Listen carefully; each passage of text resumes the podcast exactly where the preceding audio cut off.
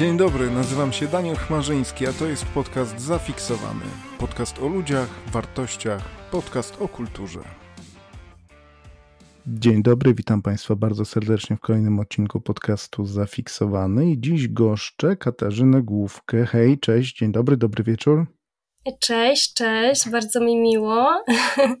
Że nam również miło, myślę, że i zarówno mnie, jak i Państwu tutaj cie, Ciebie słyszeć. I może opowiesz nam na początek kilka słów o sobie, powiesz czym się zajmujesz? E, tak, e, ja jestem terapeutą zajęciowym, obecnie pracuję w przedszkolu integracyjnym, leśnym, bliskościowym z, z elementami nurtu demokratycznego e, i tworzę własnego e-booka Trochę będzie w nim o psychotraumatologii, o kognitywistyce, mm, ale też głównie o podejściu właśnie bliskościowym, o stawianiu granic, e, zarówno dziecku, jak i sobie. Mm, bo w moim odczuciu podejście bliskościowe właśnie zakłada to, że dbamy o swoje granice i dbamy też o granice dziecka a rodzice często mają z tym problem. A powiedz, bo mnie zaintrygowało, co to są te elementy demo, demokra, jakie? demokratyczne? E, tak, nurtu demokratycznego. Nurt e, demokratyczny to jest mm, coś takiego, mm, co zakłada mm, taką naukę przez e, właśnie poszanowanie swoich granic Często szko szkoły demokratyczne mm, nie mają takich typowych nauczycieli e, i dzieci mogą same decydować o tym, czego danego dnia się uczą e, i przez ile czasu się tego uczą. E, więc tutaj jest bardzo duża swoboda dla dziecka.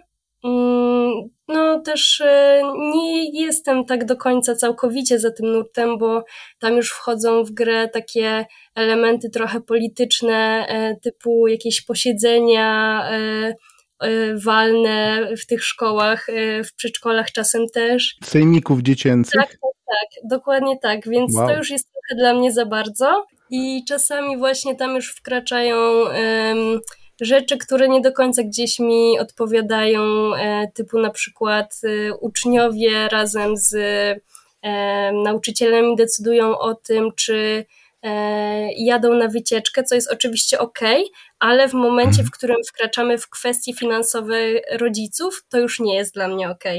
Czasami to jest robione aż za bardzo, ale jak są elementy, to, to jak najbardziej spoko. Gdzie, gdzie takie nauczanie eksperymentalne można znaleźć? Mm, są plac, takie placówki już w Polsce. Jest ich niewiele, co prawda, mm, ale na pewno w Warszawie, e, gdzieś tam pod Warszawą, w większych miastach. Mhm. Mm, no jest to fajne pod tym względem, że właśnie dziecko ma dużą swobodę i, i decyduje e, o wielu rzeczach. Natomiast e, też właśnie to stawianie granic, o którym mówię, jest istotne, ponieważ tak jak w Ameryce kiedyś był taki eksperymentalny nurt, już teraz nie pamiętam jego nazwy, niestety. E, mhm. Powstała placówka, w której dzieci mogły decydować o wszystkim, dosłownie o wszystkim. E, nie Takie wychowanie nie... bez, bezstresowe, taka odmiana. Tak, tak. E, I nie miały tam żadnych granic stawianych, i to już był problem. I później, właśnie po latach, wyszło, że że te dzieci są zupełnie niezorganizowane, zupełnie nie, nie potrafią sobie poradzić w życiu, nie wiedzą, nie, nie są decyzyjne tak naprawdę, więc to, że my dziecku nie stawiamy granic, nie oznacza, że ono w przyszłości będzie procentowało właśnie tą decyzyjnością. Czy nie jest tak, że warto jednak wypośrodkować troszeczkę, znaleźć taki, wiesz, złoty środek i jednak odrobinę tej dyscypliny E, wprowadzić? Jakie są wyzwania współczesnego rodzicielstwa według Ciebie i nauczania? E, no przede wszystkim no to właśnie to, co ja obserwuję u siebie w placówce, to jest to, że mimo tego, że jakby często mówimy o tym właśnie stawianiu granic rodzicom, że to jest bardzo ważne i o tej pozytywnej dyscyplinie, bo to, że ja stawiam dziecku granice, to, że mówię mu stop, nie godzę się na to, nie zgadzam się na to, żebyś tak robił, e, nie oznacza, że ja to dziecko karam, czy że jakoś, nie wiem, zabieram mu wolność. To wręcz znaczy, że mówię nie, ponieważ cię kocham i stawiam ci te granice, bo jesteś dla mnie ważny i wiem, że to, co robisz, jest niebezpieczne i przekracza granice innych. Więc ale rodzice faktycznie mają, mają z tym duży problem. Y, no i później, później my też mamy problem z dziećmi w placówkach i, i na, na przyszłe życie na pewno to nie będzie dobrze procentowało. Żyjemy w XXI wieku, jesteśmy coraz bardziej mm, wykwalifikowani, y, mamy coraz większą wiedzę, też taką właśnie psychologiczną, więc e, gdzieś tam z jednej strony to jest bardzo dobre, e, a z drugiej strony zauważa się takie trochę może spłycenie charakteru, takie właśnie, hmm, jakby to określić. Przede wszystkim to, że właśnie też technicznie jesteśmy coraz bardziej rozwinięci, i mhm. gdzieś te ekrany e, są bardzo często używane w naszym życiu, są nieodłączną częścią naszego życia tak naprawdę. E, a no, badania jasno tutaj pokazują, że wpływ ekranów e, na życie dzieci, też późniejszy, na ich rozwój psychomotoryczny, też z takiej perspektywy kognitywistycznej, mm, jest zaburzony i na pewno to nie pomaga a wręcz w, w, w momencie, w którym e, dajemy dziecku ekran e, do zabawy, nazwijmy to, e, mhm. bo dziecko właśnie tak pojmuje działanie z ekranem, czyli jeśli my mu dajemy tableta, laptopa czy telewizor, to dla niego to już jest forma zabawy. To, że ono może tam klikać, to, że ma tam różne gry, czy że ogląda obrazki, to jest dla niego forma zabawy. I w ten sposób e, jest zagrożenie, że e, dzieci, które wychowują się e, w tym momencie, w przyszłości będą miały problem z kreatywnym myśleniem, z szukaniem informacji w taki tradycyjny sposób. Mhm. Jest jakaś zależność, tak? Są jakieś badania na ten temat? Tak, tak, są, są właśnie badania, ja też o tym piszę w e-booku. Um, A co to za e-book? W ogóle od razu wiesz, reklamuj wszystkie swoje rzeczy, tu mhm. się w ogóle nie, nie cykaj. To jest e-book, który jeszcze nie ma nazwy, natomiast pomyślałam sobie w pewnym momencie, znaczy tak, ja zawsze od dziecka wiedziałam, że założę jakąś firmę, tylko nie wiedziałam e, nigdy, jaki i co ja tam będę właściwie robić. Mm, no i właśnie Byłam ostatnio na weselu mojej najlepszej przyjaciółki.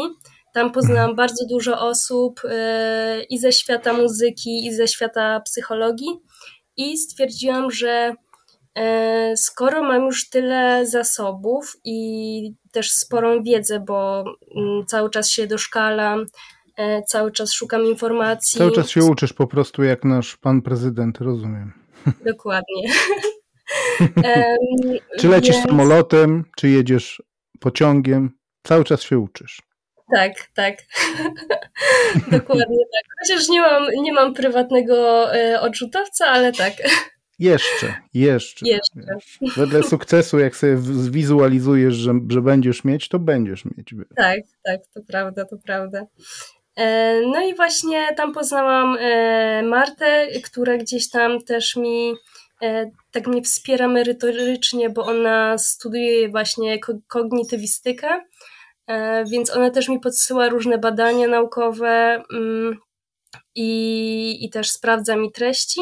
No e-book będzie właśnie e, o takim podejściu, znaczy tak, mi najbardziej zależało na tym, żeby jakoś przekazać wiedzę z psychotraumatologii, kognitywistyki, i podejście bliskościowego.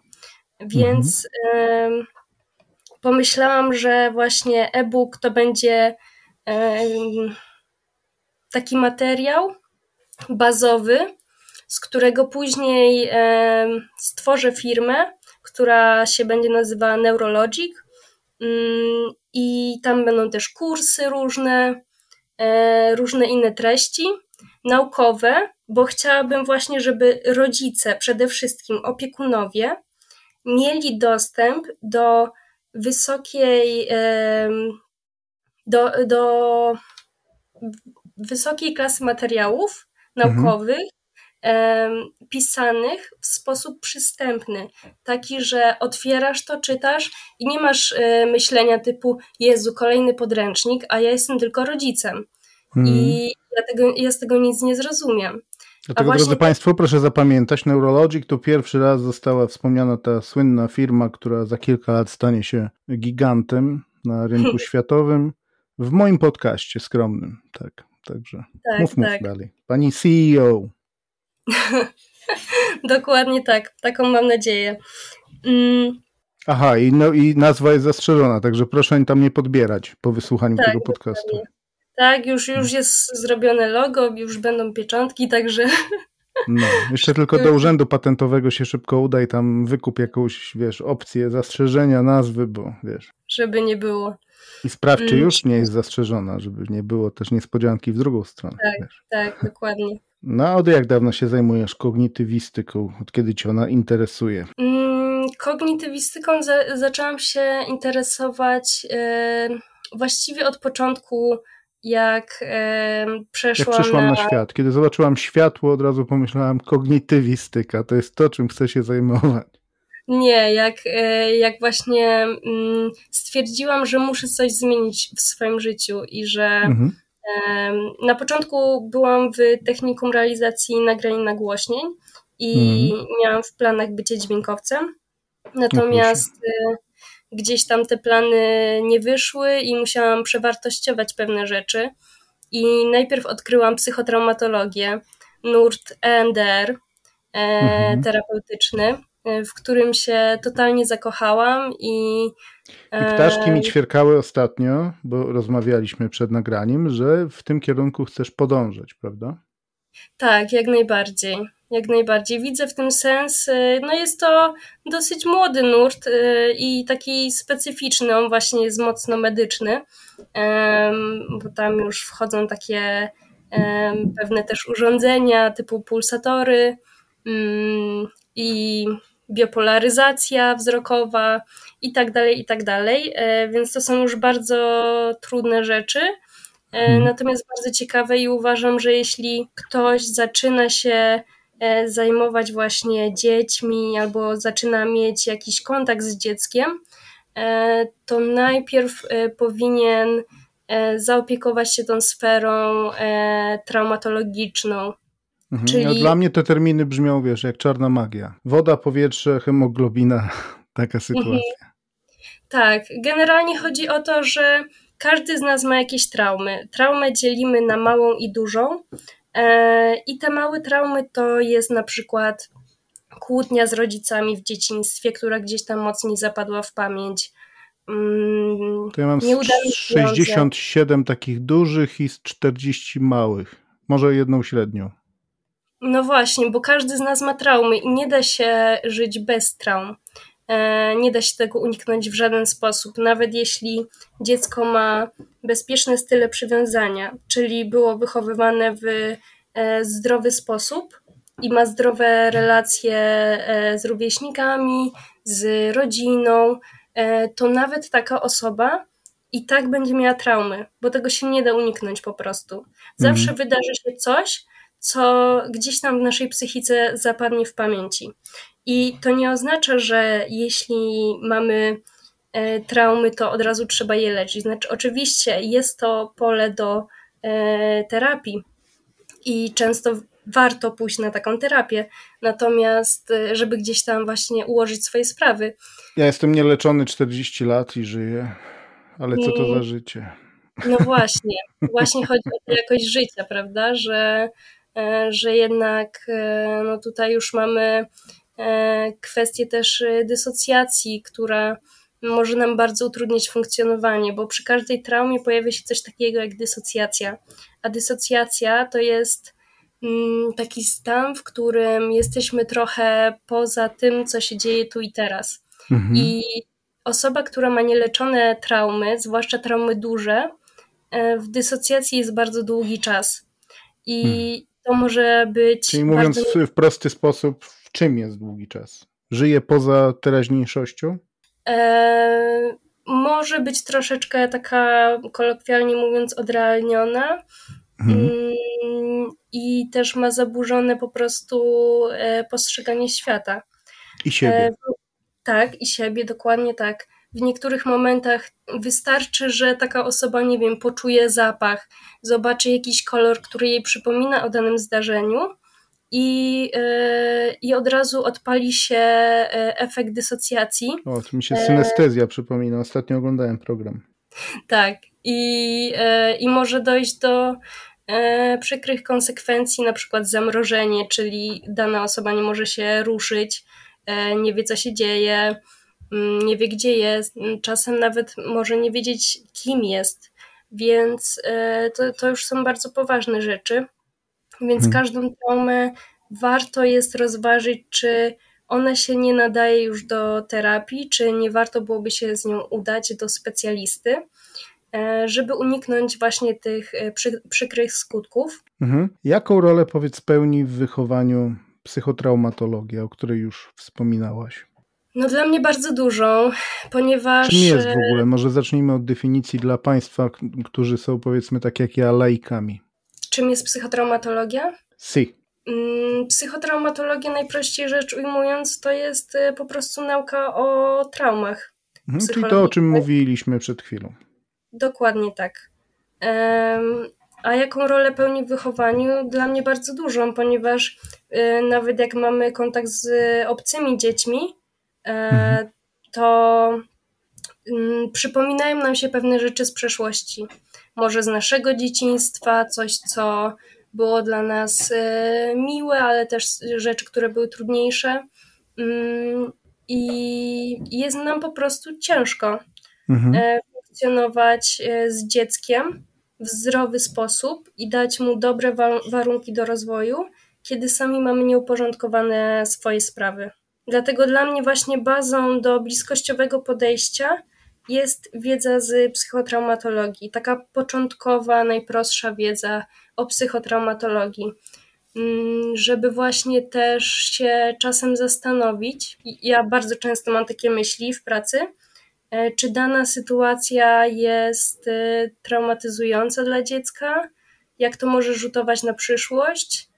Um, oczywiście nie warto jakoś się tam dłużej nad tym zastanawiać i się na tym skupiać, bo to prowadzi donikąd e, i tylko się można jakoś tam mm, zapędzić w kozi róg. Natomiast pomaga to w mm, też takim opanowaniu trochę swoich emocji, kiedy jest nam ciężej i e, no są sytuacje, że już po prostu nie wyrabiamy. Patrzymy na to dziecko i mamy takie, Jezu, no już tłumaczyłam 500 razy, i już mi się nie chce po raz kolejny. I mhm. zastanowienie się, a dlaczego, co mi to właściwie robi, dlaczego mnie to tak irytuje? E, to jest dziecko, które dopiero się uczy i ono ma prawo po raz kolejny nie wiedzieć. To jest też trochę to, co ja zauważam, trochę to, o czym mówiłam na samym początku, o tym takim spłycaniu charakteru, tak? To trochę o to mi chodzi właśnie, że e, nie wiem, jak się jak ktoś czuje złość i jest taki naprawdę wkurzony, taki już po prostu, że nie może, to e, zamiast odreagować e, adekwatnie do sytuacji, po prostu e, ta, tę złość tłumi w sobie i ona później wybuchnie, prędzej czy później. Mhm. Więc więc e, to jest właśnie to, że z jednej strony jesteśmy coraz bardziej świadomi siebie i, i, różnych zachowań, a z drugiej strony nie do końca jeszcze wiemy, co z tym zrobić. Mhm. Mm, Dlatego no tak ważne są takie projekty jak Twój i takie e-booki.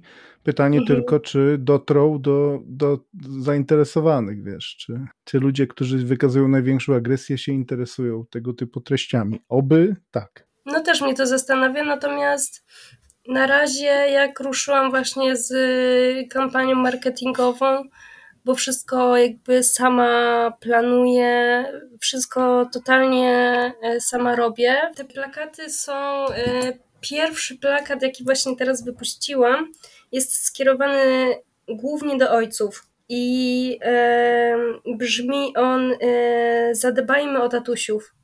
Mhm. I chodzi, chodziło mi o to, że większość e, projektów psychologicznych, większość film psychologicznych z kursami, e-bookami e, bliskościowymi kieruje swoje treści do mam. Nawet jak e, już jest się na takim kursie i słucha się tego, to często mówione jest tam per mama. I brakuje takich treści, moim zdaniem, kierowanych też no, do ojców. A ojcowie to też jest duża grupa odbiorców. Więc... No, zaryzykowałbym twierdzenie, że połowa potencjalnych tak, odbiorców.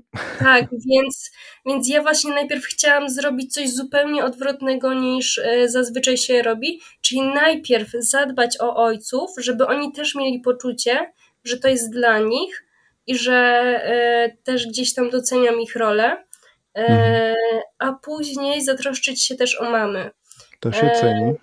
Mhm. Tak, więc, więc tak to właśnie wymyśliłam. Mm, no i też e, w tym e-booku piszę właśnie tak czasem do mamy, czasem do taty, różnie, a czasem do obojga. E, wiem, że też życie jest, bywa różne e, i mamy nie tylko samotne matki, ale też samotnych ojców, o których rzadko się w sumie słyszy, a wykonują kawał świetnej roboty. Mhm. No i też e, w moim przekonaniu ojcowie mają chęć, e, żeby się dokształcać, żeby też e, jakby szukać odpowiedzi, co jest jeszcze nie tak i co można zrobić lepiej. Więc chciałam, żeby oni też mieli takie tutaj swoje miejsce, w którym będą się czuli zaopiekowani i że nie są z tym sami.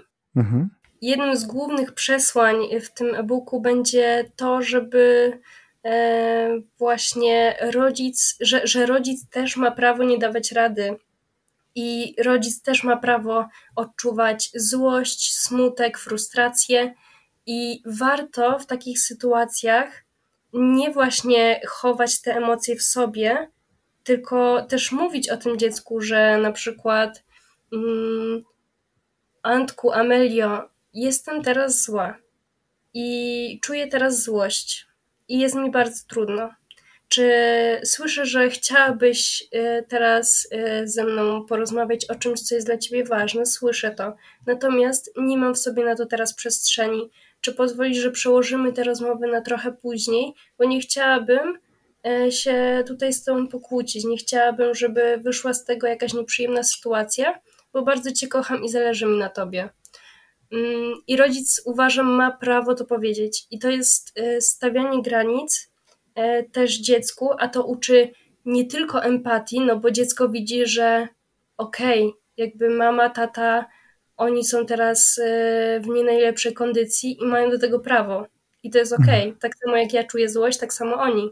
I to jest ludzkie. Więc dziecko uczy się empatii, ale też właśnie stawianie granic i tego, że emocje są ok, że, że ono, że tak samo jak ono czuje właśnie emocje, to rodzic też. Mhm. No dobrze, powiedz, gdzie cię można znaleźć, podrzuć swoje, e, swoje strony, swoje adresy, e, gdzieś, gdzie ludzie mogą zgłębić jakoś twoje treści i cię lepiej poznać. I też gdzie będą mogli nabyć e-booka, który powstaje.